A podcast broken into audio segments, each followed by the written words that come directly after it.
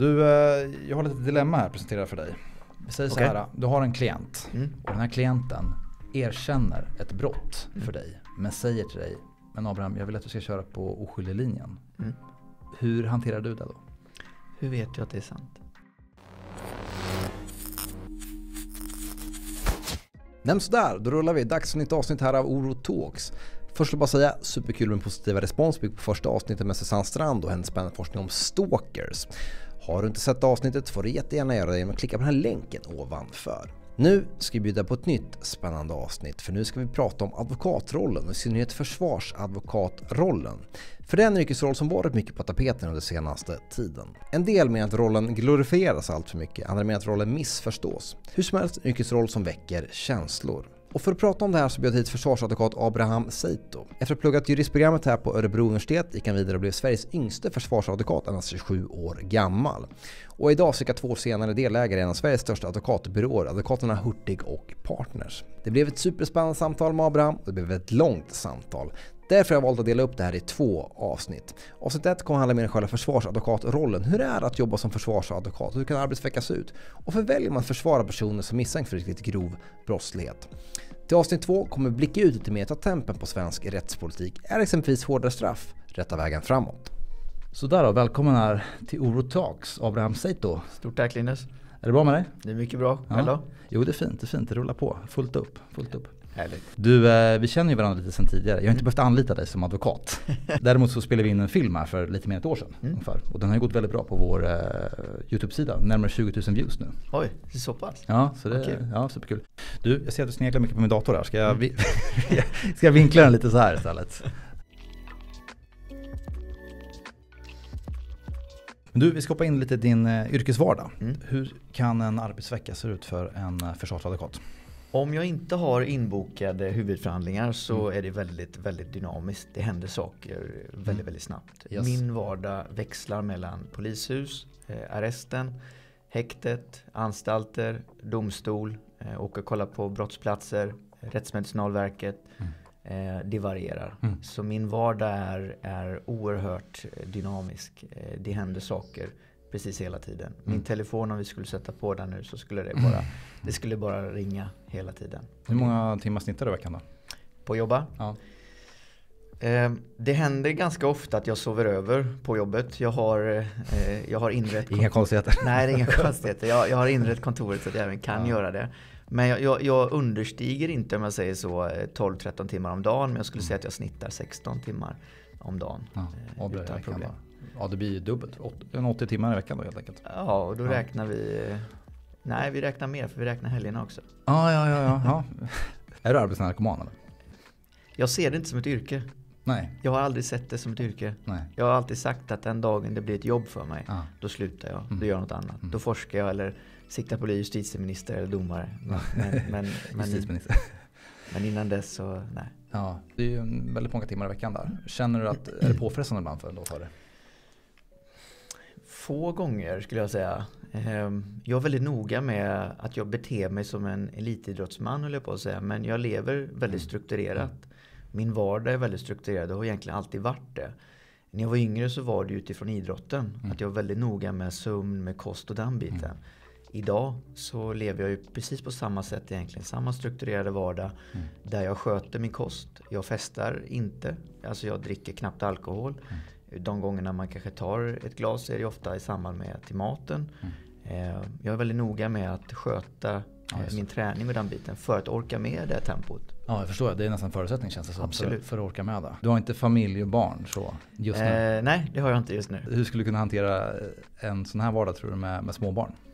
Jag tror att som allt annat, jag gillar aldrig att se problem. Jag ser alltid lösningar. Eh, Och det skulle kunna lösas exempelvis med att man går upp tidigare på morgonen, eh, kommer igång med dagen tidigare. Mm. Kanske lyckas genomföra sitt träningspass på morgonen innan man sätter igång dagen, innan barnen vaknar. Eh, Man kan ta dem till dagis och allt vad det innebär. Vara på plats på kontoret, eh, sköta det. Alltså de bitarna, hitta lösningar helt enkelt. Mm. Så Så du, jag- du, tror att det går att kombinera? Absolut. Men den här vardagen som du beskriver, är det något man får räkna med i som, eh, det är många juriststudenter som kanske drömmer om att bli, Mm. jobba som för, försvarsadvokater. Får man räkna med den här eh, arbets... Det, Vardagen. det, det beror på. Alltså, jag, tror så här, jag, jag tror inte att man om jag, om jag säger så här, det är kanske inte någonting man ska utgå från att man får räkna med, men det är ett val man får göra. Mm. Vill man så kan man leva ett eh, normalt arbetsliv så att säga, där du jobbar 8 till 4-5 Mm. såklart.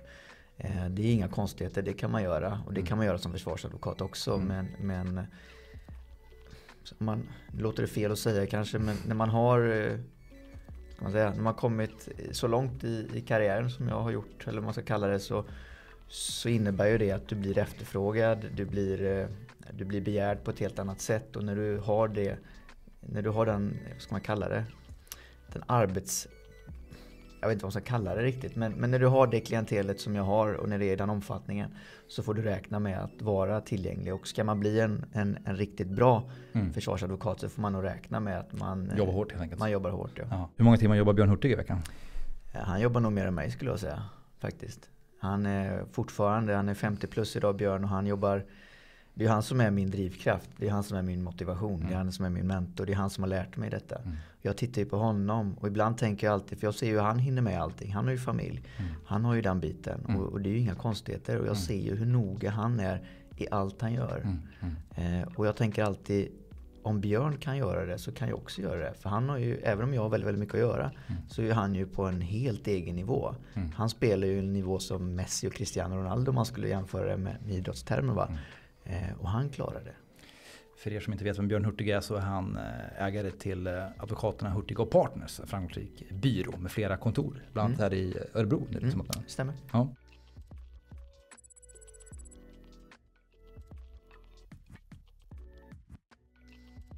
Du, vi ska hoppa in i, i, eh, i salen, i tingssalen Mm. i, under förhandlingarna. Ja.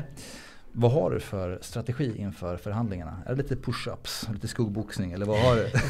Nej då, nej då, utan då är man lugn och sansad. Man, man jobbar väldigt mycket med att man ska bli likable. Eh, Ja. Man ska göra ett gott intryck. Hos alla parter eller? Hos alla parter, men framförallt hos domstol, för det är dem du ska övertyga. Ja. Eh, utanför salen Och vilka, vilka roller är det då som du pratar om då? Eh, I försvararrollen tänker jag nu. Nej, de, i, i domstolen så att säga. Det är domare förstås. Det är domare, det är åklagare, det är Mm. vittnen som ska in och höras, det Mm. är målsägande som ska förhöras, det är Mm. ofta tilltalad som hörs också då, som Mm. svarar på frågor. Ibland vill man inte svara på frågor.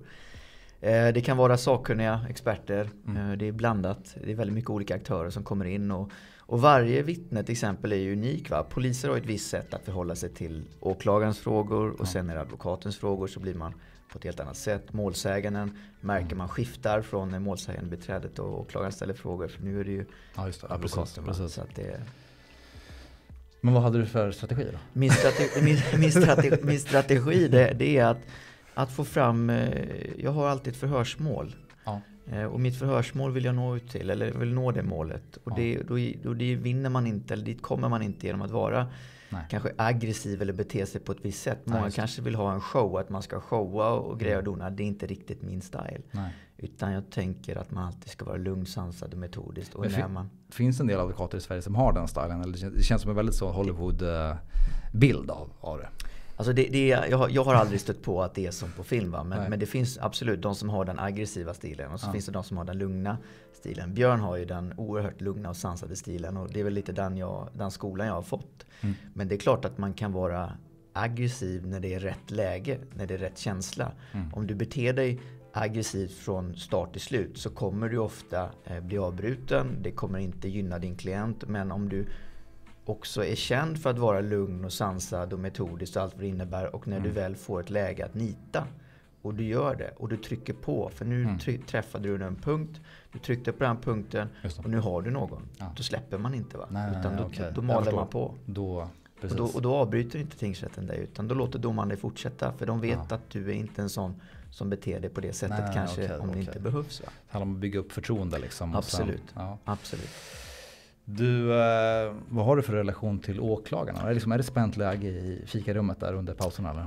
Eh, Jag skulle aldrig sätta mig i ett fikarum med en åklagare, det kan Nej, jag säga. vadå då? Eh, Nej men det, det, det, det ser inte bra ut för klienten om jag skulle sitta och fika med en åklagare. Men, Nej. men det är frostig relation skulle jag säga. Det, eller det varierar. Vissa, vissa har man en bättre relation med och de flesta har man en mindre bra relation med. Mm. Eh, och det beror på att eh, jag har en viss eh, försvararstil som innebär att jag, jag ifrågasätter, jag utmanar åtalet, jag vill att det ska gå korrekt till, jag vill att man upprätthåller vissa rättigheter.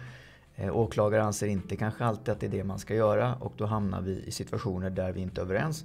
Och jag ger min syn på saken och det innebär att det skapar merarbete och det skapar ett ifrågasättande, det skapar en, en irritation. Mm. Eh, och sedan så är jag ju sån som, som är väldigt, väldigt engagerad och jag tror att det har gjort att man också kanske har ett rykte om att vara en advokat som är dels engagerad med att man ifrågasätter mycket. Så att eh, det, det, har blivit ganska frostigt får jag ändå säga. Vissa åklagare tar det eh, bra och vissa tar det mindre bra. Eh, och jag försöker alltid hålla mig lugn. Jag försöker alltid liksom få fram min sak. För enda sättet att få fram det, det är att vara lugn, sansad och jobba sig liksom fram till ett mål. Även i kontakten med, med statens representant så att säga. Du, eh, jag har lite dilemma här att presentera för dig. Vi säger okay. så här, du har en klient mm. och den här klienten erkänner ett brott mm. för dig. Men säger till dig, men Abraham jag vill att du ska köra på oskyldig linjen. Mm. Hur hanterar du det då? Hur vet jag att det är sant? Jag tänker så här, jag var inte där när någonting hände eller någonting inte hände. Nej. Men en misstanke uppstår. Mm. Jag var inte på plats när den uppstod och någon säger till mig att jag har gjort det. Mm. Eller någon säger till mig att jag inte gjort det. Men situationen du frågar efter är ju att eh, jag har gjort det. Eh, hur vet jag att det stämmer? Det finns så mycket olika incitament och olika strukturer inom vissa organisationer, bland vissa eh, så kallade gäng, att man ska låta någon ta på sig någonting till exempel. Mm. Eh, och om du säger till mig att du har gjort det, eh, då vet inte jag om det är sant. Jag sätter mig aldrig i en situation där jag tar reda på om det är sant eller inte.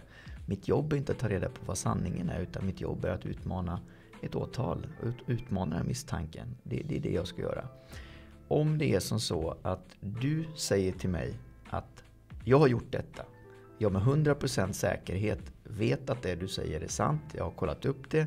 Det råder inga tvivel om det. Och du säger till mig, men jag ger dig instruktion att du får inte säga det. Jag vill att du säger att jag inte har gjort det. Mm. Då får inte jag företräda dig. Då måste jag frånträda mitt uppdrag. För jag får inte ljuga för en domstol. Det är så? Mm. Ja, okej, okay, okay. ja, det var lite det jag ville vara ute efter och uh, höra om hur det funkar. Mm. Rent, Nej, det får man inte, så får man inte göra. Men, så här, men har du hamnat i några sådana etiska dilemman då under din karriär hittills? Aldrig. Jag är Nej. oerhört noga med att följa de etiska reglerna. Mm. Jag är mm. extremt noga med att följa alltså just att man upprätthåller restriktionerna. Mm. Att man eh, liksom förhåller sig till eh, det förtroende man har fått. Mm. Så att man inte liksom bryter det och man inte hamnar i gränslandet. Att man behöver sätta sig i situationer där man behöver fundera på mm etiken. Utan man, man styr samtalet, man styr mötet, man styr, man styr från start till slut. Då hamnar man inte i de etiska dilemmana som uppstår. Och skulle man någon gång mot all förmodan göra det då, då är inte jag kvar som advokat i det ärendet. Jag, jag, jag tycker att det är viktigt att man upprätthåller eh, sin yrkesroll och det förtroende man får av staten och samfundet. Men du, kan du ha några liksom moraliska överväganden för att försvara en person som misstänks för ett riktigt, riktigt grovt och hemskt brott? Hur tänker du nu? Ja, jag tänker kanske ja, men brott mot barn till exempel. Grova sexualbrott mm. och så vidare. Mm. Hur ser du på det? Om, om du blir liksom, jag vill ha Abraham Seito som, mm. äh, som försvarare. Det, det, det, största missförståndet som jag tror uppstår det är att man tror att man försvarar ett brott eller att man försvarar en gärning. Mm. Så är det aldrig. Utan det jag försvarar det är dina rättigheter. Och om du misstänks för det här brottet mm. så är det min uppgift att försvara dina rättigheter i den processen. Inte vad du misstänks ha gjort. Eh, så jag försvarar aldrig ett brott och därför ser inte jag några svårigheter med att försvara en människa som även är misstänkt för den typen av brottslighet. Men hur funkar det då? Måste du tacka ja till alla som vill ha dig som försvarare för att du har liksom ledigt i, i, i kalendern? Hur, hur funkar det? Nej då, utan jag, jag bestämmer själv. Mm. Jag behöver aldrig ens förklara eh, varför jag tackar nej till någon eller så. Utan jag, jag styr det helt och hållet själv. Då. Så att det är upp till mig att välja om jag vill företräda en person eller inte. Och det har hänt att jag har tackat nej av olika anledningar. Mm. Eh, så att det vill du berätta någon anledning? Eh, ja, alltså det, det, dels tidsaspekten. Men samtidigt så kan det vara eh, Det kan vara en, en, en, en, på ett personligt plan. Eller det kan vara av olika anledningar då, som gör att jag inte vill. Ja. Jag förstår, jag förstår. Men det är intressant här för jag tänker liksom den som eh, norska advokaten som ville försvara Breivik mm. och sådana mm. liksom, hur mm. man, eh, det är ju ganska, man känns som man måste ha mycket hårdhudad för att gå in just den liksom hur, hur det ses på det. Försvarar du Breivik eller vad heter han, Akilov nu ute mm. i Drottninggatan? Så är det ju. Så är det, och det, och det märker man ju. Alltså det, det uppstår ju väldigt mycket eh, debatt kring det både på sociala medier, mm. i, i domstol eller i, i etablerad media om man säger så. Mm. Eh, och mycket på olika Twitterkonton och allt vad det innebär. Va? Så, så cirkulerar ju ofta rykten, det skapas ju en, en bild av advokaten snarare man gör det till advokaten mot, eh, mm. mot samhället vilket blir lite konstigt. Va? Eh, jag tror att alla som har hamnat i situationer där man har behövt en försvarsadvokat eh, känner liksom den här känslan av att är det så här det går till? Mm. Och då känner man liksom, är det det här jag har stått bakom? Och då kan det ju vara allt mm. från vanliga människor till människor som, som är kriminellt belastade och allt vad det innebär. Men just det, den vanliga människan, om man får uttrycka mig så, mm. som aldrig har haft någon form av egentligen umgänge med kriminella människor, befunnit sig i kriminella miljöer, har inte den identiteten så att säga. Mm. men, men vadå, ska jag inte få, få ringa och meddela min familj att jag anhåller? Nej, du får tyvärr inte Du har restriktioner. Nej, okay. Och du får inte prata med någon? Nej, det får du inte. Men hur länge ska jag vara här då? Ja, det vet jag inte. Det bestämmer ju då mm. domstolen. Men du börjar med två veckor nu när du är häktad.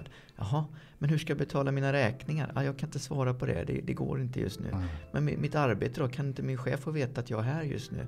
Ja, ingen får informeras om inte åklagaren godkänner det. Nej, nej. Jaha, okej. Okay. Men, men jag... jag så, så, det är så det funkar va? Och så mm. blir man så här... Jaha. Så att det är mycket förvåning. Ja, absolut. Det förstår jag. Det förstår jag. Men du, eh, hur hanterar du missnöjda klienter? Jag tänker på restriktioner eller eventuella domslut. Liksom, hur det... Kan man säga att jag har inga missnöjda klienter?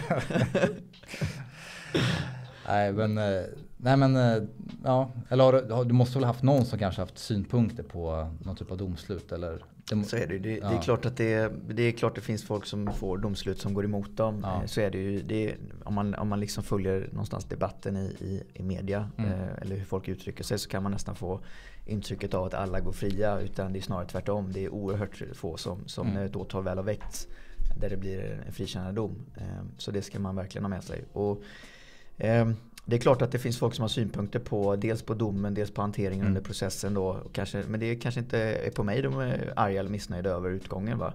Eh, men om det är någon som är missnöjd så hanterar man ju det givetvis. Det gäller att ta, man tar kommando från start till slut, man bygger upp ett förtroende. Ja. Och de råd jag lämnar till människor bygger ofta på, eh, på, på helt enkelt på vad, vad är det vi har kommunicerat om. Om du säger till mig att det är på ett visst sätt så kommer jag ge dig ett råd utifrån det du har berättat. Och det bygger ju på att du har ett förtroende för mig, att du litar mm. på mig så att du berättar det jag behöver veta för att kunna lämna ett råd till dig. Och när jag ger dig ett råd så kommer det aldrig vara det du vill höra. Utan det kommer alltid vara det du behöver höra.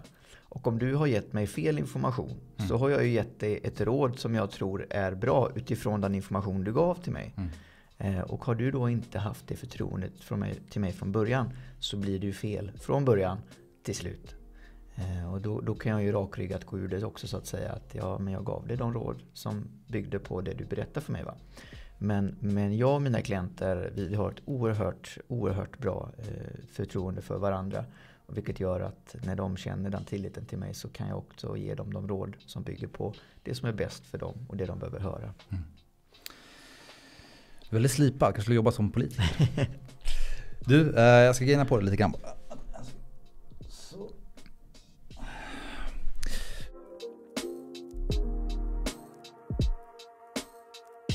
Advokatrollen är ju ganska bred i sig. Det finns mm. många olika typer av advokater. Var, varför fastnade du för just att bli brottmåladvokat? Man kan säga att det har egentligen varit jag, jag, tror jag har svarat på den frågan så många gånger nu. Och jag, jag vi tar den igen. Vi tar, vi tar den igen, ja. absolut. Nej, men jag, så, den, den, frågan uppstår ju alltid. Det, det, är den frågan och hur man kan försvara människor misstänkta för brott. Det, det, det enkla svaret är att det, det, har egentligen med min med min barndom att göra. Att jag, Från det att jag var liten så har jag alltid liksom haft eh, just den känslan av att jag vill att saker ska bli rätt. Va? Okay. Och det var mycket som jag såg under min uppväxt i skolan. Drivits av ett rättvisepatos. Ja, precis. Ja. Och, och, sen så växte det fram liksom genom åren. Eh, men det, det började egentligen i skolan med, med vissa saker. Jag tyckte liksom inte att saker sköttes på korrekt sätt från okay. skolans sida. Jag tyckte inte att man eh, gjorde tillräckligt för att motverka mobbing exempelvis, engagera mig i elevråd och annat. Och det var mm. mycket, mycket sånt på, på den tiden då. Eh, och sen så eh, växte det fram och man såg på tv-serier och, och, där så var det alltid försvarsadvokaterna som jag uppfattade som de som såg till att, att rättvisan upprätthölls. Då. Mm. och man tog strid för den enskilde. Mm. Och det är lite det jag brinner för, att ta strid för den enskilde mot, mm. mot staten. Det berättar du i den här filmen som vi har gjort, mm. att det var där som ditt intresse för advokatyrket väcktes va? Ja, ja, det är riktigt. Men om vi pratar på andra sidan, varför vill du inte bli åklagare istället? Jag jag skulle aldrig kunna se mig själv som åklagare utan jag vill inte stå på statens sida och dessutom så vill inte jag ha ett yrke som går ut egentligen på, om man förenklar det, på att gå till jobbet där, där man an, använder tvångsmedel, där man eh, häktar människor eller så att säga begär människor häktade, frihetsberövade. Den biten av, av rättskedjan vill inte jag vara en del utav. Eh, sen så är det ett oerhört viktigt yrke eh, och all cred till de åklagare som väljer att bli åklagare och följer mm. sitt yrke med de objektivitetskrav som ändå ställs på en åklagare. Mm. Det är klart att det är ett tufft jobb även för dem. Men, eh, och de har en otroligt viktig funktion. Mm. Men eh, jag är inte åklagare utan jag är advokat och jag har ett försvararhjärta. Men upplever du, att, upplever du att ibland att åklagarrollen kan framställas som den goda sidan? Så är det verkligen. Mm. Eh, utan med, media höll jag på att säga, men, men debatten och klimatet idag handlar ju lite grann om att advokaterna är de som står på, på de kriminella sida. Att man är själv kanske man misstänkliggörs. Mm. För att själv vara kriminell. Man pekas ut på, på olika sätt och åklagaren står så, som säga, på statens sida, det goda sida. Och så är det ju. Det är oerhört tråkigt tycker jag, det klimatet som håller på att bli just nu. Det debatteras väldigt mycket om advokater, om försvararkostnader och man vill hela tiden angripa oss i vår yrkesroll. Mm. Eh, och sen så tycker inte jag att det blir en, en nyanserad bild i, i, debatten som sker just nu. För det är väldigt mycket åt det ena hållet. Och det är såklart väldigt lätt att angripa vissa beslut, vissa domar och, och, annat. Och jag tycker att man lägger sig i alldeles för mycket mm. för att försöka påverka. Och, mm. och media har en extremt, extremt viktig funktion mm. eh, i, den, i den debatten. Men visst har det ändå hänt, alltså om man ser advokatrollen i sig. Det har mm. hänt mycket med den. Det känns som att det har blivit mycket mer profilerad yrkesroll jämfört mm. med tidigare. Att man tänker mycket mer på det personliga varumärket. Tidigare kanske, jag vet inte, men alltså 20-30 år sedan att det kanske mer kändes som en tjänstemannaroll. Liksom, mm. Lite mer tråkig byråkratroll. Mm. Håller du med om den utvecklingen? Absolut, och jag tror att det hänger ihop lite grann med samhällsutvecklingen. Det är mm. också som så att idag är det ju, alltså till att börja med så är det ett personligt uppdrag att vara försvarare och man förordnas som offentlig försvarare. Mm. Och det innebär ju att klienten ofta har valt dig om du inte blir förordnad av domstol. Ja, och det innebär att klienten känner ett speciellt band eller förtroende till just varför de vill att du ska försvara mm. deras rättigheter i processen. Mm. Eh, och det gör ju att man så att säga, man jobbar ju mycket med eh, dels också att, att, man måste visa på något sätt att man samtidigt som man står på klientens sida, vilket man gör ovillkorat, mm. så har man också ett ansvar, ett samhällsansvar. Att man upprätthåller ju ett förtroende från statens sida. Staten ger ju dig i uppdrag att du ska tillvarata de här mänskliga rättigheterna. Mm. Det är en del utav den, den rättsstat vi har i Sverige och Advokatsamfundet ger dig mm. förtroende att vara ledamot av Sveriges advokatsamfund. Mm. mm. Och den balansgången måste man respektera mm. och det är oerhört viktigt att man får det förtroendet att man inte missbrukar det. Eh, men då är det också viktigt att man från samhällets sida förstår den rollen. Men tyvärr så är det inte alla som vill eller kan det. Va? Jag förstår, det är en utmaning. Ja, men Abraham, berätta om din tid här på juristprogrammet i Örebro universitet. Eh, tiden på juristprogrammet var väldigt, väldigt bra. Det var en period som var väldigt viktig för mig. Eh, jag hade väldigt mycket bra stunder. Det var blandat mellan hopp och förtvivlan skulle man kunna säga.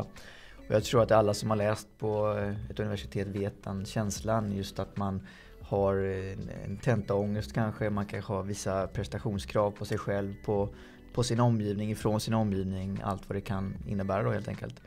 Men eh, samtidigt så var det väldigt, väldigt kul och eh, jag tror att det handlar helt enkelt om ett intresse för det man gör.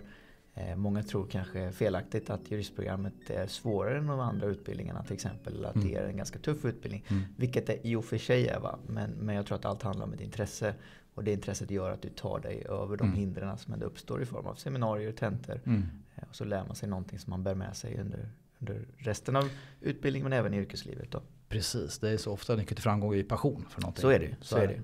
Men eh, man blir ju inte advokat när man gått ut juristprogram. Nej. Nej. Nej. Vad, hur är vägen till advokat? Då? Vägen till att bli advokat börjar, eh, det kan vara på olika sätt. Vissa kanske väljer att sitta ting och att man går och gör eh, två år på, på domstol då helt enkelt som notarie. Eh, ja. Och sen så får man börja på advokatbyrå och då kan man räkna av eh, ett år från den tiden och så gör man två år som biträdande jurist som det heter. Mm.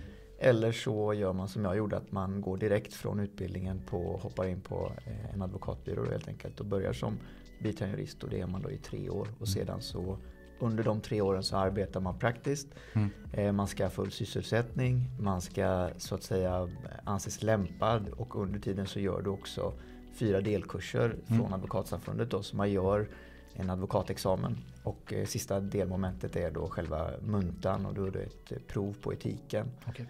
Och eh, efter det så eh, prövas din ansökan och sen så välkomnas du som ledamot av Sveriges advokatsamfund. Sådär, dags att avrunda avsnitt 1 här med Abraham Seito. Vi är tillbaka om cirka en, två veckor med avsnitt 2. Det vill säga kommer blicka ut lite mer och ta tempen på svensk rättspolitik. Är exempelvis hårdare straff rätta vägen framåt?